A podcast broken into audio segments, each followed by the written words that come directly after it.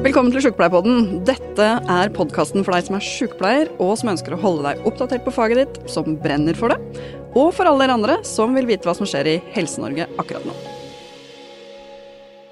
Hjertelig velkommen til eh, episode nummer 46 av Sjukepleierpodden. Og hjertelig velkommen til statsråd Ingvild Kjerkol. Tusen hjertelig takk for det. Er er 46 jubileum, eller? Nei. I Sykepleierforbundet så bryr vi oss ikke om rundetall. nei, nei, nei. Nei, vi forventer med nummer, til nummer 50 med det. Ja. ja. Da inviteres du på nytt for sånn jubileum på, Ja, på runde 50. Det er fint å være her på nummer 46. Sist du var her, så var det nummer 31. Ja. Og da var det noen måneder igjen av valgkampen. valgkampen. Og det var jo ingen som visste hvordan det skulle gå. Og vi snakka om eh, helsepolitikk sammen. Og den episoden hørte jeg gjennom i går. Og da spurte jeg deg hva du hørte på når du kjørte bil. Husker du hva du svarte? Musikk? Ja, men hva slags musikk? Eh, Sikkert eh, Bruce Springsteen, eh, eller Nei, du svarte eh, Åge Aleksandersen. Ja, det var Jeg skulle til å si Bruce Springsteen og Åge Ja, nettopp. Ja. Du trengte det under valgkampen, mente du. Ja.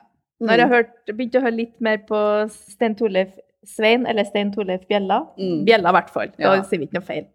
Han syns jeg òg er veldig bra. Å, han er så bra. Mm. Ja. Helt enig. Og så har jeg noe sånn litt mer Robin, svenske Robin, som er litt mer sånn eh, elektropop, da. Mm. Så ganske variert musikksmak, musikksmak egentlig, altså. Og jeg òg hører en del på podkast, da. Men jeg Mm. hører på hastigheten da 1,5. For jeg er litt utålmodig. Jeg, hører- jeg, hører at, ja, jeg hører at vi har mye felles Ja. også der. Både på musikk og på å høre på podkast og diverse andre ting. på. Jeg, kan til og med av og til gå opp til to ganger. Ja. Altså ganger to på hastighet. Det har jeg gjort. Da blir det sånne smurfestemmer på folk. Men, men jeg får innholdet med meg. Det er så drøyt, eh, faktisk.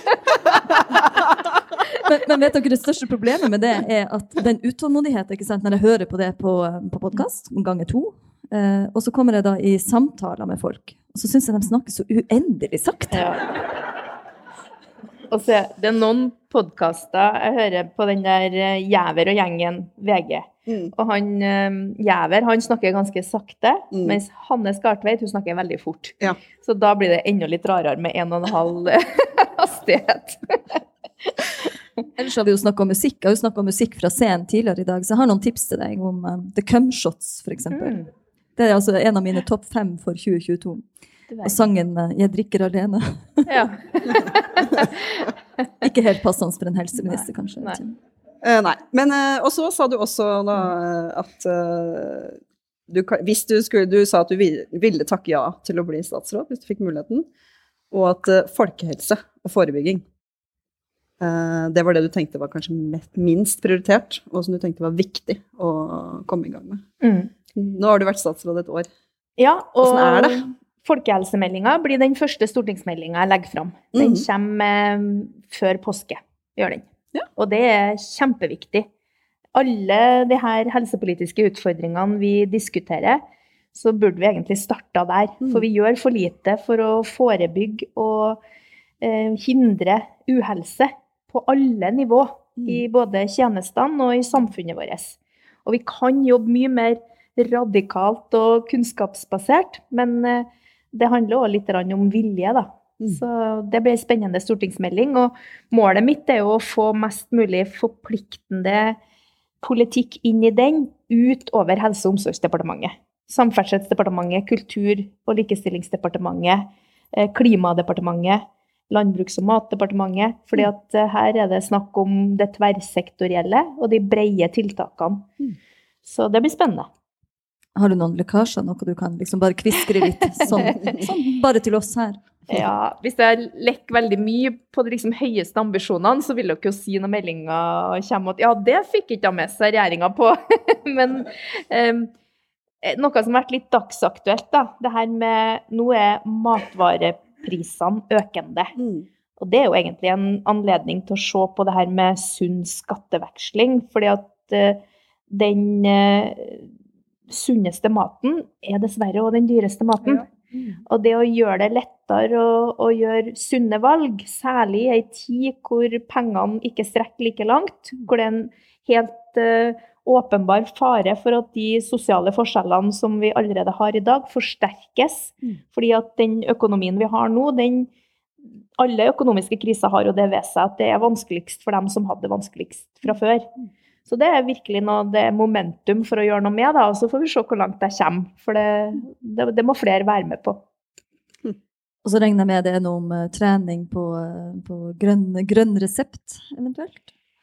Ja, vi har jo vært veldig opptatt av at eh, vi må etablere gode vaner tidlig. Og det her med én time fysisk aktivitet i skolen har jo NSF vært med og, og jobba for, sammen med Legeforeningen. En bred folkehelseallianse som har pusha for det. Mm. Stortinget har jo vedtatt det.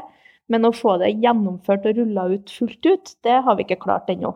Da må skolen være medspiller, og det skal ikke være liksom én time gym til. Det skal være aktivitet. Mm. Etter hvert så er det jo en del skoler som har erfaring med det. Det er utvikla en del god, god, metodikk for at undervisninga kan skje praktisk. Mm. Eh, og mange andre målsettinger, en mer praktisk skolehverdag, kan òg løses gjennom at vi klarer å gjennomføre det eh, med mer aktivitet, da. Uten å gå på kompromiss med det som er viktig, og det er denne metodefriheten. At Ja. læreren skal få lov til å være lærer. Ja, fordi lærerorganisasjonene har jo vært uh, Skeptisk. Det kan du si. Ja. Og vi har fått litt kjeft av våre egne venner også Ja. i Unio pga. at vi har ment at det har vært et viktig folkehelsetiltak. Da. Men uh, det er jo kanskje sånn uh, man beveger seg i det landskapet. ikke sant? At du drar litt, og så går du noen steg, og så drar du tilbake. Ja. Så det blir en viktig melding. Mm. Men litt over et år har du vært uh, statsråd. Mm. Hva er det som du trodde? Eh, ja, både ja og nei. Det er jo en rolle du må erfare for å overskue hele omfanget av den. Mm. Og så er det jo en rolle som Hverdagen kommer først når du står i den, da. Eh, fjorårets eh, smitterunde kunne jeg gjerne vært foruten. Det tror jeg dere er de første til å være enig i. Denne den tøffe runden med omikron. Nå har vi jo en del som har eh, covid runde to.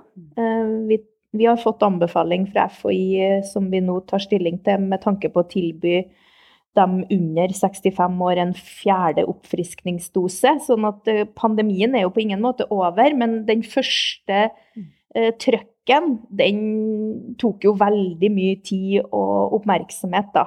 Det jeg er glad for, det er at vi rakk å komme i gang med noen av de store arbeidsprosessene som Hurdalsplattformen beskriver. Vi fikk satt ned sykehusutvalget, som skal se på den modellen vi har for å styre sykehusene. Helsepersonellkommisjonen fikk vi satt ned. Eh, og så har vi En ny regjering vil jo også sette i gang mye arbeid, og noen vil også kritisere oss for at vi bare setter ned utvalg, men det er jo òg måten å, å, få til endringer på. Eh, så mm, jeg syns vi har kommet godt i gang med retningen. Og så kom invasjonen i Ukraina, eh, som vi òg har håndtert. For helsetjenesten så har jo det handla om at det kom nye oppgaver på toppen av en tøff pandemi. Eh, 2022, da ble resten av eh, innbyggerne i Norge litt ferdig med pandemien, men helsetjenesten fikk sitt I hvert fall sykehusene fikk kanskje sitt tøffeste år. Mm. Så det har um, okkupert mye tankevirksomhet, da. Ja. det, man tenker jo hele tida.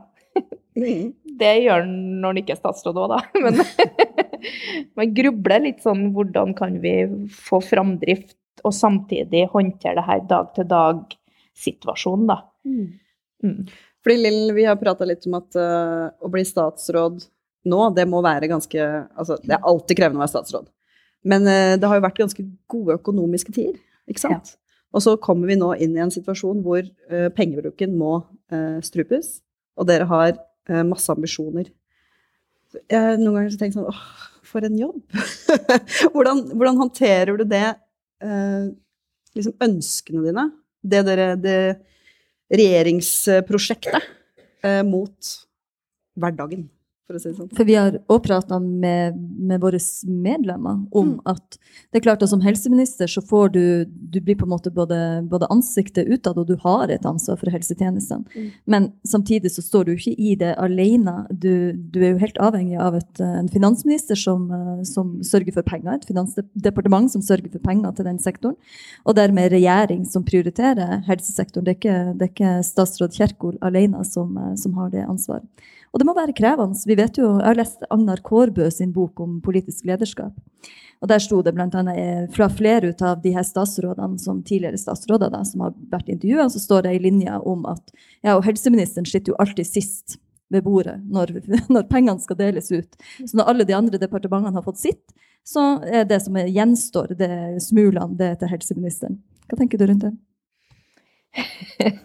Jeg vet ikke hvor tett på han har sittet, men ehm, en helseminister må ikke gå i den fella og tro at siden jeg har bare må-oppgaver, for det har jeg, jeg mener, at, jeg mener i hvert fall at jeg har bare må-oppgaver, og alle andre departement stoler på at vi har en helsetjeneste som er der i hverdag og krise. Men man må ikke tro at da kommer bevilgningene av seg sjøl, for hver kamp om krona er en kamp om krona i en regjeringskonferanse. Mm. Og det som er utfordringa nå, er jo at eh, vi, staten får store inntekter, men vi må holde igjen på pengebruken. Eh, og det her stramt og rettferdig, som dere har hørt statsministeren og finansministeren sagt på inn- og utpust, det er utrolig viktig. Eh, For problemet med galopperende prisstigning, det er jo at det blir vanskeligere å planlegge.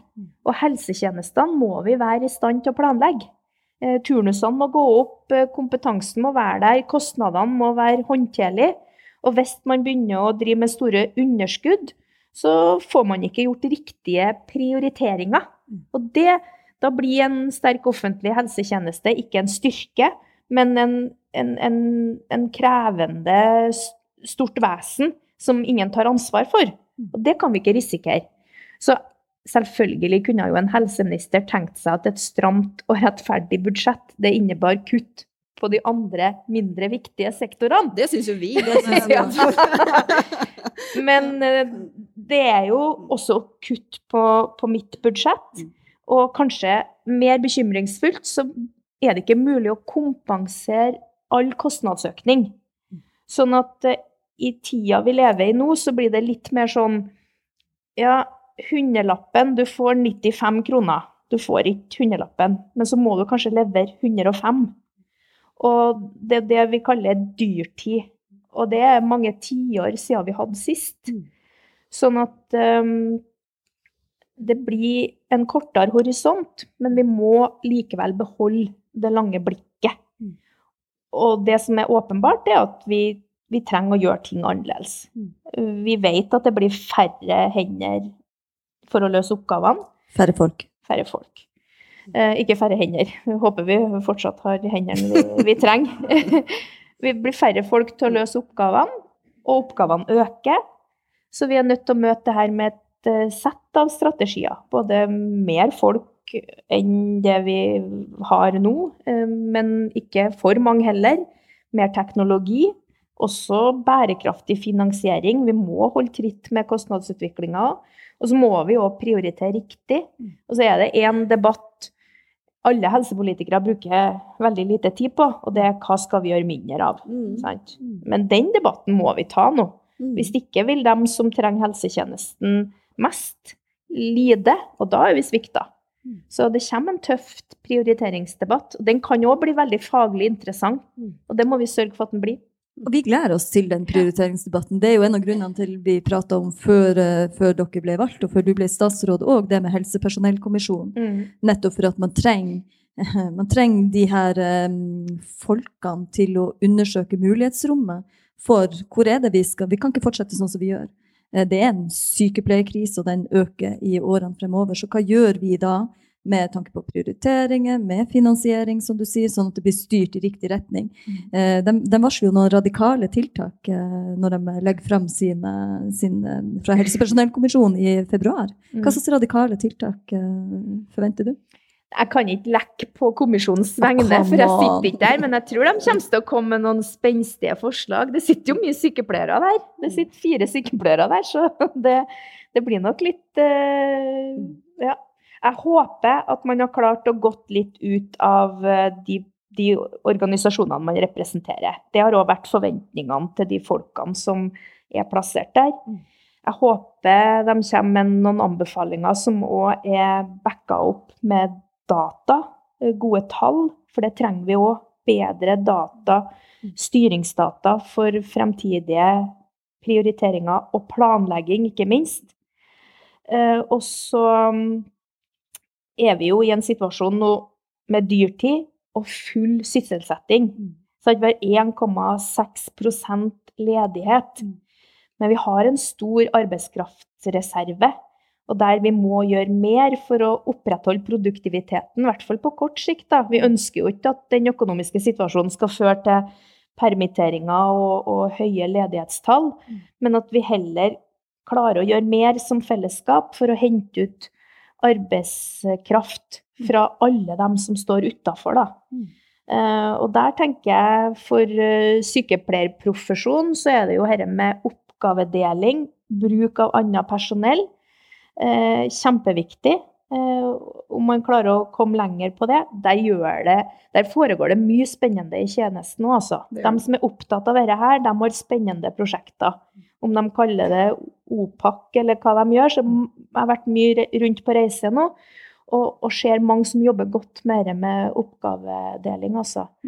Så vi får se hvor spenstig det blir. Vi snakka om det i går, om at oppgavedeling blir litt feil begrep. Vi er veldig for oppgavedeling. Ja. Men, men samtidig så var vi opptatt av at det er ikke, det er ikke oppgavene alene.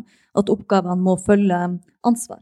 Mm. Så en ansvarsdeling, egentlig. Mm. Eh, og det er klart vi har et felles ansvar som, som yrkesgruppe for, for pasienten, som vi skal ivareta. Det ligger på en måte, du, du bruker å kalle det veldig fint, altså fra pasientens helsetjeneste, men de ansattes helsetjeneste. Mm. Det er begge deler. Ja. Pasienten er nå i midten der. Mm. Og da er det alle de ulike yrkesgruppene.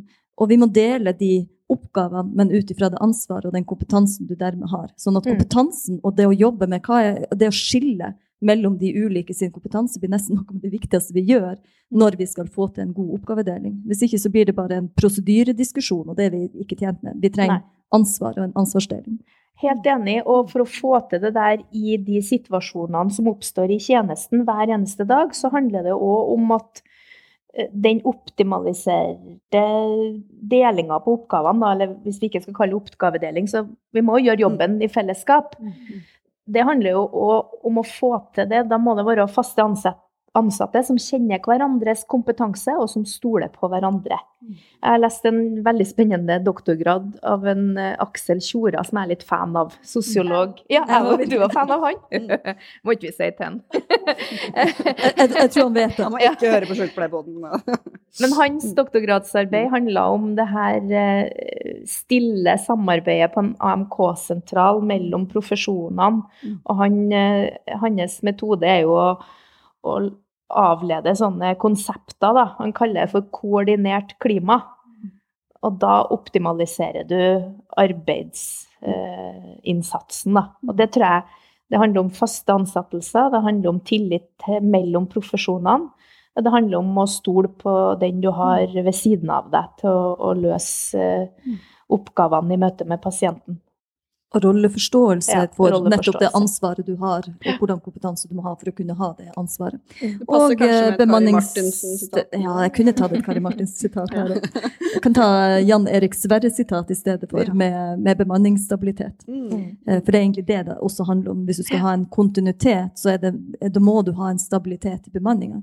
Og det er jo litt interessant at innenfor shippingindustri eh, så, så har du For å kunne gi et anbud, så må du ha eh, minst 80% av staben din på skipene må ha mer enn to års ansiennitet. Ja. Det er et bemanningskvalitet som et, som et kvalitetskriterium Mm. som er satt.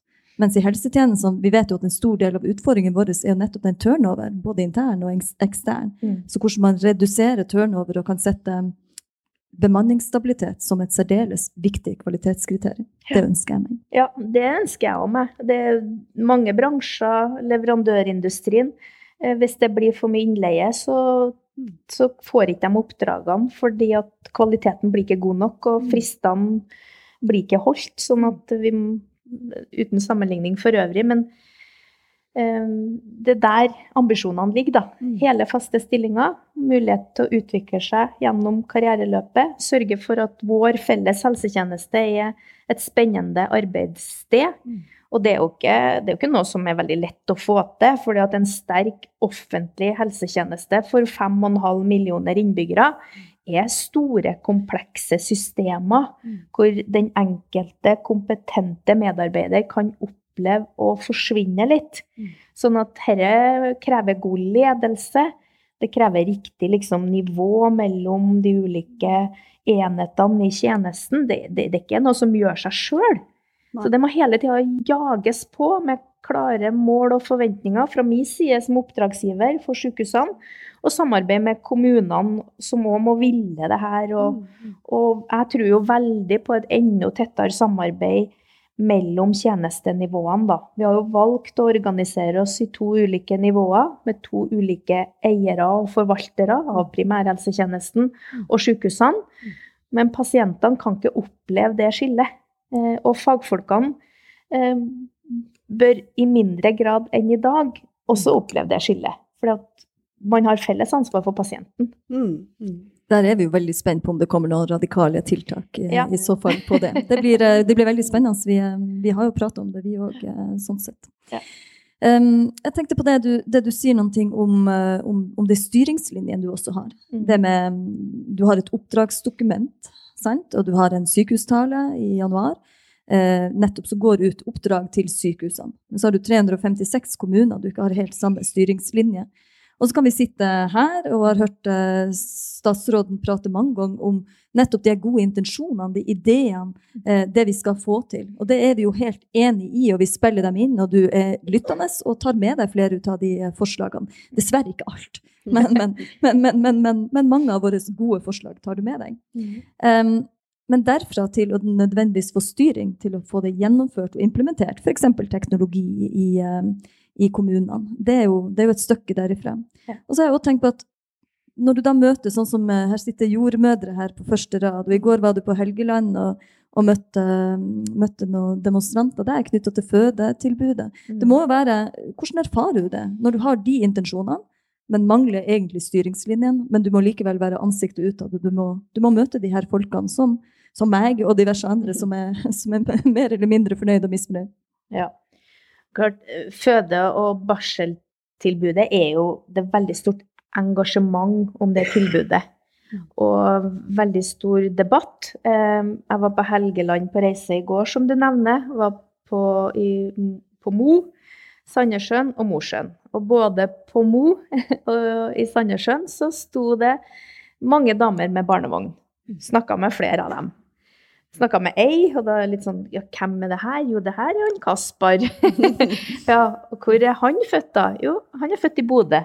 Ja, hvorfor det? Vi, vi er jo, her står dere med plakatene på Mo. Mm. Nei, det var en setefødsel. Så hun visste at hun skulle til Bodø. Og jeg er veldig opptatt av at eh, fødetilbudet, eller eh, svangerskaps-, føde- og barseltilbudet, det, det er en kjede. Mm. Det begynner liksom ved unnfangelsen. Nå så begynner det kanskje òg tidligere, når de unge jentene kommer til ei kommunal jordmor og får langtidsvirkende prevensjon og kan planlegge når hun blir mor. Det har skjedd en, en god utvikling i den kommunale jordmortjenesten. Det har jeg lyst til å framsnakke. Vi vet at det har vært en års, årsverksvekst der. Eh, Så viktig at det her er en kjede, da, og at man har trygghet for at jeg skal føde der, fordi at min fødsel kommer nok til å bli sånn. Og så det her med forutsigbarhet og trygghet er kjempeviktig.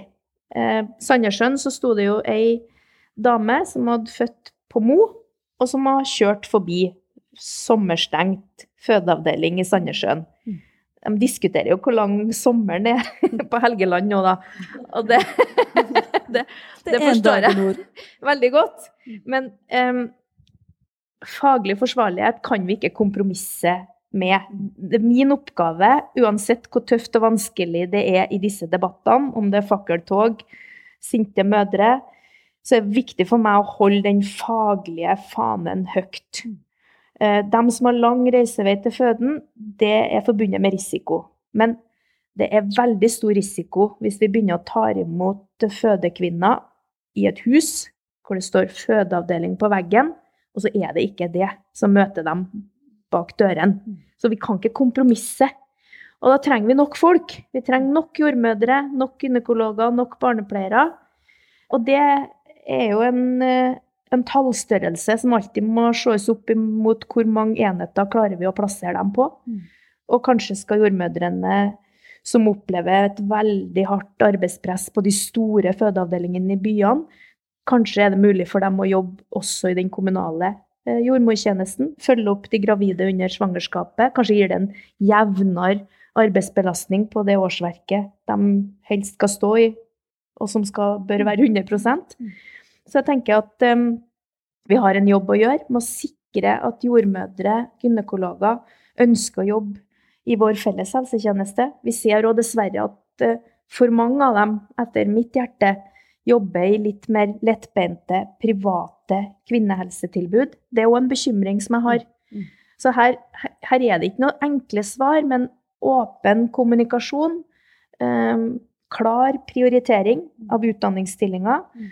men òg sørge for at det mest interessante og levelige plassen å være for disse fagfolkene er eh, i et offentlig tilbud. Men med de rammebetingelsene som ligger eh, til Nå snakker vi kanskje om spesialisthelsetjenesten først og fremst, eh, og fødeavdelingene. Mhm. Um, er det mulig? Altså, vil det være For du sier det viktigste er at det er faglig forsvarlig, og vi skal ikke kompromisse. Men til og med landets eh, største fødeavdeling på Ullevål må stenge ABC-klinikken. De har masse ledige jordmorårsverk. Er er det mulig? Altså sånn i ærlighetens navn, på en måte.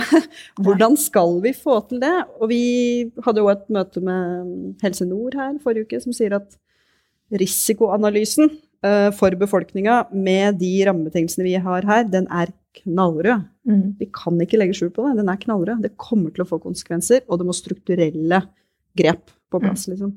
Hvordan får vi til å både eh, møte ambisjonene som vi har i Sykepleierforbundet om likeverdige helsetjenester, og som også vi deler med regjeringa, eh, og at det skal være mulig å bo i hele landet? òg. Er det Jeg syns ABC-klinikken den er virkelig verdt en diskusjon. For Mm. det er jo et tilbud for veldig få av fødekvinnene i Oslo.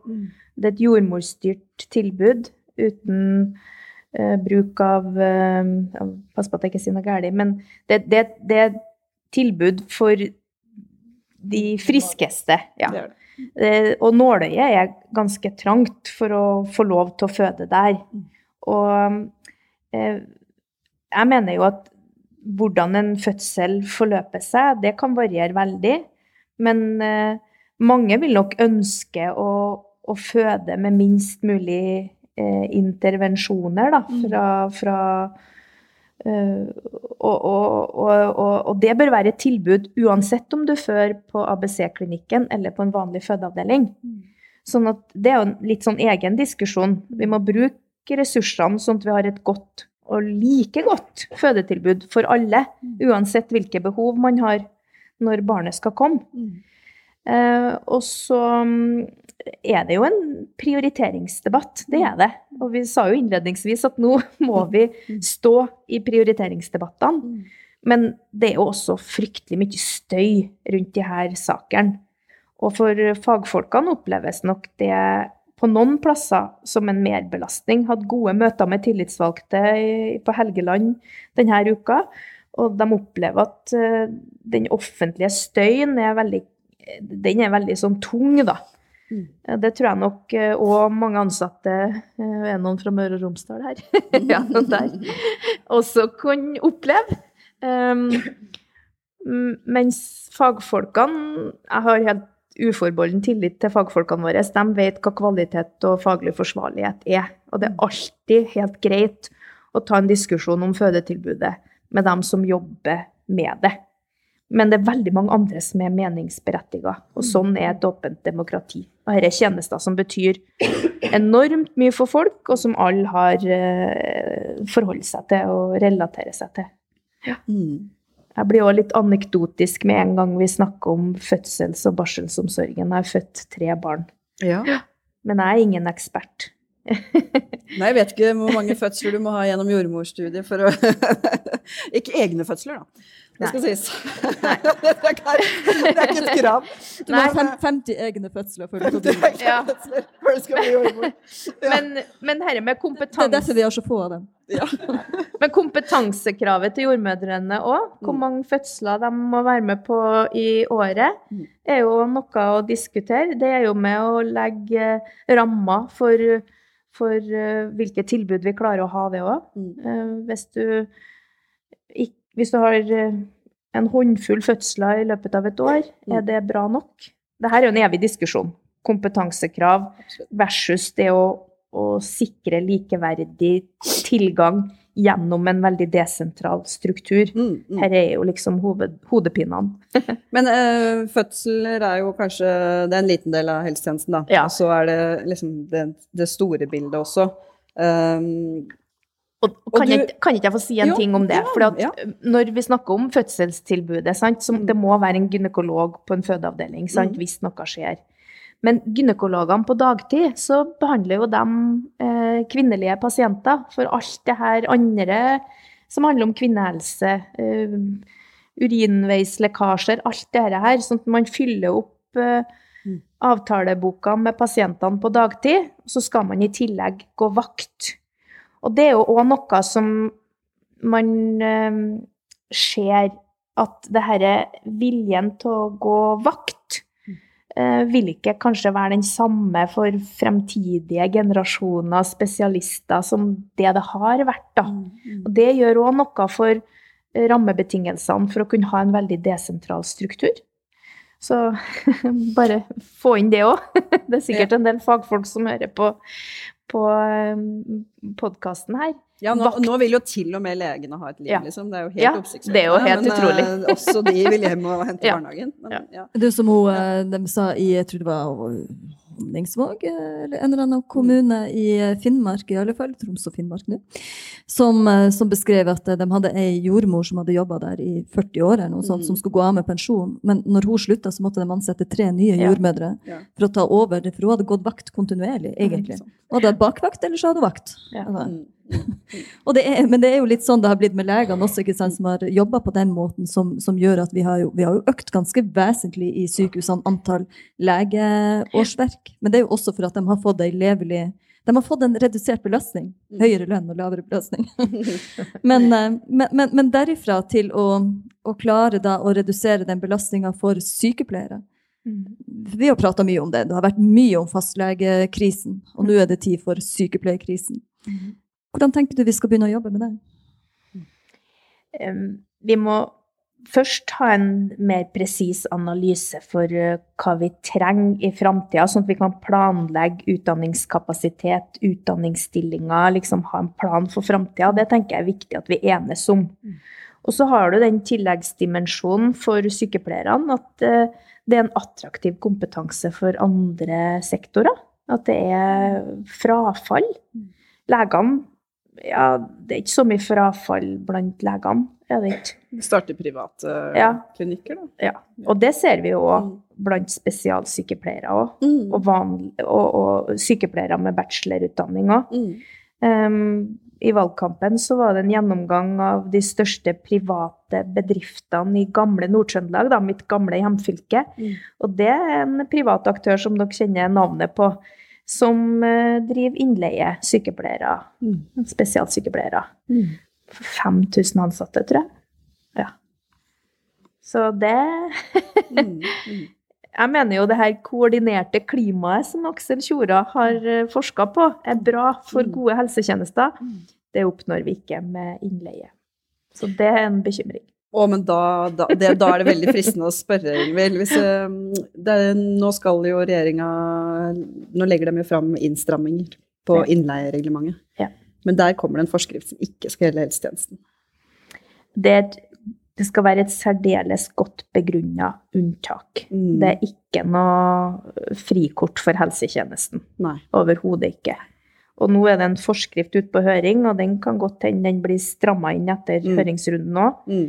Men eh, det er viktig for meg å understreke. Og vi, vi klarer ikke de utfordringene helsetjenesten står overfor uten et generaloppgjør med innleiekulturen. Mm. Det må være mulig at noen av de her får faste, gode stillinger og trives med det. Mm. Og det må arbeidsgiver og arbeidstaker kunne klare å finne, finne ut av, tenker jeg. Så bra, men da, da, Det var bra, det var godt å høre du sier det. For vi er jo veldig bekymra for at vi liksom skal lage unntak nok en gang for Mhm. helsetjenesten. Der er det unntak fra alle lover og regler og innstramminger som kommer fordi det ikke er mulig, liksom. Der vi setter alltid den faglige forsvarligheten først, som, vi, som Mhm. du også sier godt. Eh, men det skal gå på bekostning av helse, miljø og sikkerhet for de ansatte. Og da slutter sykepleierne, da. Mm. Så jobber de i delte stillinger. Og så Det å bygge det miljøet, liksom. Det tenker jeg er en felles utfordring. Mm, Mm. absolutt. Hvis ikke så går vi tydeligvis over til eh, kosmetisk sykepleie. Det lærte vi jo her i forrige uke. Det gjør vi. Ja. Så, Jeg så på Helgemorgen Nei, jeg var på, på Dags 18. Dags 18. Der satt ja. Mm. Det er ikke veldig mange av våre sykepleiere som jobber, jobber der i det hele tatt. Og dem vi har der, har det jo, som jeg, som jeg prøvde å si noe om, har vi jo faktisk bruk for eh, på, i, nettopp i en bransje som er, Mm. kan være kynisk og litt uetisk, fordi det også er mye penger i den. Da trenger du sykepleiere med både etikk og omsorg til, eh, til, eh, til å gjøre de behandlingene som legene har bestemt skal gjøres, Mm. eh, men også til å veilede ut og bort ifra de behandlingene som man ikke trenger. Jeg vil anbefale alle sykepleiere å jobbe med noe mye mer spennende. Kan jeg si terminalomsorg, eller helsesykepleier, eller jordmor, eller psykisk helse og rus. Men det er ikke noe moralsk forpliktelse sykepleierne har til å velge det. Jeg tenker at uh, Vi må liksom komme oss vekk fra at sykepleiere er en sånn egen uh, ja, Det er vel ikke et kall lenger, kanskje? Det er en jobb. Det er en Det er en spennende jobb, som Mm. må ha faglige utfordringer, Mm. og som må anerkjenne den kompetansen som, som er sykepleierkompetanse, Mm. som ikke noen andre profesjoner kan gjøre. Nettopp. Det er viktig. Skulle vi sagt det sjøl. Jeg må, jeg må si Mora mi hun var jo hjelpepleier i et liv først, Mm. og så ble hun sykepleier. Mm. Jeg tror nok for dem som har gått den reisen, så blir det veldig tydelig at det her er ulike profesjoner, Mm. men at man er nødt til å, å samhandle godt og ha respekt for hverandres kompetanse. Da. Mm. Det er jo grunnleggende for å få til det her gode samarbeidet eh, i tjenesten hver dag Mm. eh, mellom de ulike eh, kompetansene. Mm. Og vi har jo vi har jo bruk for alle i årene som kommer. Mm. Og um, jeg tenker det er sikkert noen profesjoner som vi ikke kjenner ennå, sant? Eh, Det heter jo portør, for noen kalte det for portør, men det er jo hele tida oppgaver som må løses Mm. i helsetjenesten. Mm. Og, og også em, på Namsos, da, der er de veldig opptatt av trønderrock. der prøvde de seg med utdanning som heter kulturpleier. Mm. At du skulle aktivisere. Tidligere hadde vi aktivitørene. Ja, skulle si det, Er ikke det en aktivitør? Jo, det, ja. det tror jeg nok. Ja. At hvis du er så gammel at du husker aktivitørene, og at de gikk og fikk mm. fagbrev på det, Mm. så vil du sikkert si at en kulturpleier kan være det. Mm. Men eh, at vi har liksom Vi har bruk for alle. Det må Mm. være hovedbudskapet fremover. Mm. Også den mest spesialiserte kompetansen, da, Mm. en legespesialistene, Mm. der må vi òg se nøyere på hva er det befolkningen trenger. Mm. Trenger vi alle grenspesialister? Sant? Vi må jo ha Mm. eh, spesialister som løser de helseutfordringene en befolkning har. Mm. Det er grunnleggende Mm. for å kunne ha en sterk offentlig, solidarisk helsetjeneste. Mm. Og Derfor jobber jo vi også med at våre spesialutdanninger nettopp skal Mm. ha en eh, Noe er vi nødt selvfølgelig å ha en, eh, en dybde, en, en spesialistkompetanse på. Anestesi, f.eks., eller Mm. jordmor, intensiv, andre. Men ellers at de videreutdanningen, de spesialutdanningene som tas, er en, en viss grad av bredde. Mm. Nettopp for at du kunne jobbe hvor som helst, om det er uansett sektor, sykehus eller kommune, og over, uh, over hele landet. At man nettopp skal kunne bidra inn der folk bor. Eh, og da må du ha en, en, en kompetanse selvfølgelig som er på et uh, høyt nivå, men en breddekompetanse likevel. Og det er jo det som våre sykepleiere har. Det er derfor vi er så mange av oss som kan jobbe hvor som helst. som sådan. Men jeg hadde en, en, en sånn eh, ny, eh, ikke en yrkesgruppe, men en ny tittel som jeg vil lansere. Du vet jo noen ting om nasjonal sjefssykepleier. Um, på den studieturen vi var i USA, så hørte vi om, om Chief Nurse Informatic Officer. De hadde det på klinikker på ulike avdelinger, men også på nasjonalt nivå. Um, Chief Nurse Informatic Officer. Altså den der lenka imellom den sykepleier, den breddekompetansen som sykepleiere har um, på, på helse, Mm. men også på informatikk. Mm. Og det er akkurat den der som blir vesentlig, sånn som vi ser det i årene fremover, hvis vi skal få til den, det å jobbe smartere, Mm. det å jobbe, eh, ta, eh, ta i bruk, implementere og ta i bruk den, den teknologien som vi er helt avhengig av. Mm. Hva du tror du om en chief nurse informatic officer? Ja, dere har vi snakka om mange ganger, og hver gang du sier det, så tenker jeg åh, hvor er vi hen i den For du snakker om den her National Chief Nurse. Eller på klinikk, på sykehus f.eks., eller i kommunene. Ja. Nettopp for å kunne se på velferdsteknologien. Hva er det vi er viktig å satse på? Hvordan skal vi implementere det her? Mm. Det å ha det, det blikket litt som overordna. Jeg var jo på besøk på Helgelandssykehuset, og da møtte jeg jo Hege Grønvik, som er medisinsk fagsjef sykepleie Mm. På foretaksnivå. Mm. Det tenker jeg er en lederfunksjon som har noe for seg. Mm. Og så vil man ha litt ulik organisering på de ulike helseforetakene. Men en sånn åpenbar måte å forankre sy sykepleierfaget på ledernivå. Så, så det tenker jeg er fornuftig. Um, ja, men uh, ja. Bra. Og Så syns det er fornuftig. Vi tar det med ja. Vi skal begynne å gå inn for landing. Mm. Eh, Men du, vi skulle jo egentlig spørre henne alle de her spørsmålene. Husker du at vi, før vi, vi skulle liksom ha en sånn samtale der vi skulle bli kjent nå? Vi skulle ikke spørre om 40 minutter på Værnes. Men, men Uff, nå lurer alle på hva det er. det kan dere spørre om senere. uh, jeg har lyst til å, at vi skal snakke om en aller siste ting før vi går inn for landing, og det er uh, beredskap. Mm, Fordi nå er vi, som du sa, liksom, ok, nå er vi, vi er fortsatt i en pandemi, vi er kanskje vi har et hvileskjær. mm, Men uh, krisene kommer jo som perler på en snor. Det tror jeg liksom den nære fortida har vist oss. Mm. Og intensivsykepleierne, de, har vi- de snakka vi mye, veldig mye om Mm. en periode.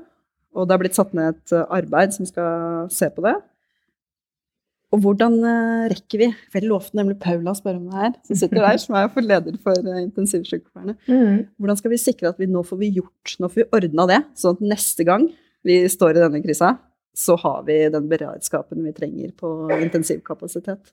Føler du at vi liksom at vi, eh, vi bruker tida nå i, i hvileskjæret vårt før det kommer en ny krise og tar oss? Ja, den kan jo komme neste år. Vi har Mm. tatt imot eh, 30 000 ukrainske flyktninger i år. Kanskje må vi ta imot 40 000 nye neste år. Vi har tatt imot eh, 130 pasienter som har fått sykehusbehandling med til dels omfattende og alvorlige tilstander og skader. Så krisa den er der plutselig, og den vil være litt annerledes enn forrige krise. Mm. Vi fortsetter jo trøkket på å utdanne spesialsykepleiere. Det er en satsing på 199 millioner. Irriterer meg så gærent at det ikke er 200, men det, det er sånn, hater Det går sånn u- Det er litt sånn podkast nummer 46. Er det et jubileumstall for dere? 199? Men vi, vi må fortsette trykket på å utdanne eh, flere intensivsykepleiere. Mm. Men så er jeg òg veldig glad for det som Lill påpeker, at eh, spesialsykepleierne i Norge også må ha en breddekompetanse. For det er denne fleksibiliteten som er gullet i en krise. Mm. Sant? At du kan omdisponere, du kan planlegge. Så er det en viktig faglig avklaring om hva en intensivplass er. Mm. Det er det først og fremst eh, eh, legespesialistene som har vært uenige om. At det er avklart, sånn at vi går mot samme mål. Det er viktig. Mm. Så er det noen sykehus som òg prøver ut denne nummer to-sykepleieren på en intensivplass. Om det kan være eh, annen kompetanse, om det kan være en helsefagarbeider med noe videreutdanning. Jeg tenker sånne løsninger òg, hvor vi opprettholder eh, kvalitet og, og, um, og det kliniske blikket som må være der. Mm. Men hvor man gjør bruk av litt bredere kompetanse. Så det trykket må vi holde opp. Det, og det skal jeg ta ansvar for gjennom oppdragsbrev. Og, og jeg tror ikke det blir så stilt, jeg, da. Sjøl om vi har litt sånn Vi har ikke den her akutte smittesituasjonen. Vi kommer til å få anbefalinger om nye Mm. vaksinedoser, og vi ser jo at de vaksinene vi har, eh, beskytter godt Mm. mot alvorlige forløp, men ikke så godt mot smitte. Det vi er bekymra for nå, er jo at vi skal få en tøff influensasesong samtidig, og kanskje en runde med RS-virus sånn som vi også hadde i fjor, da. Ja, vi hadde jo forsvarssjefen på en debatt her eh, på Arendalsuka som sa eh, jeg, det jeg hører dere snakker om krise, men jeg forbereder meg på krig. Og helse, beredskap er en viktig del av det ute i, i tjenesten. Og det, det syns jeg var, eh, det var ganske tøft sagt på en måte, men òg veldig sånn Dette er realitetene. Mhm. Mm. Lill, noen avsluttende ord her? eh? Etter at vi har prata om eh, krise og konflikt og krig. Mm. Mm. Mm. Ja. Ja, men nå, en, eh, Før du kom, så hadde vi en podkast med Kjersti Løken Stavrum, som har leda Ytringsfrihetskommisjonen. Og, og der hun avslutta med at uh, enten så går det bra, eller så går det over. Mm. Og jeg avslutta med 'shake it off'. det var veldig upassende akkurat her. Nei, da tenker jeg mer enn den eh, shakinga sammen Mm. eh, for det vi skal få til. Eh, Arbeidstakerorganisasjoner som vi er, i lag med arbeidsgivere og i lag med, med myndigheter her representert ved statsråd Kjerkol. Det er det trepartssamarbeidet som uansett hva vi skal få til, om det er en, i en krise, uansett hva, krig, konflikt, så må vi bevare og beholde og styrke det trepartssamarbeidet. Da får vi til om så alt, og da har jeg trua. High hopes, you know. Mm. High hopes. Ok. Tusen eh, hjertelig takk, eh, statsråd, for at du tok deg tid til å komme til oss igjen. Det er vi veldig glad for. Veldig hyggelig å være her.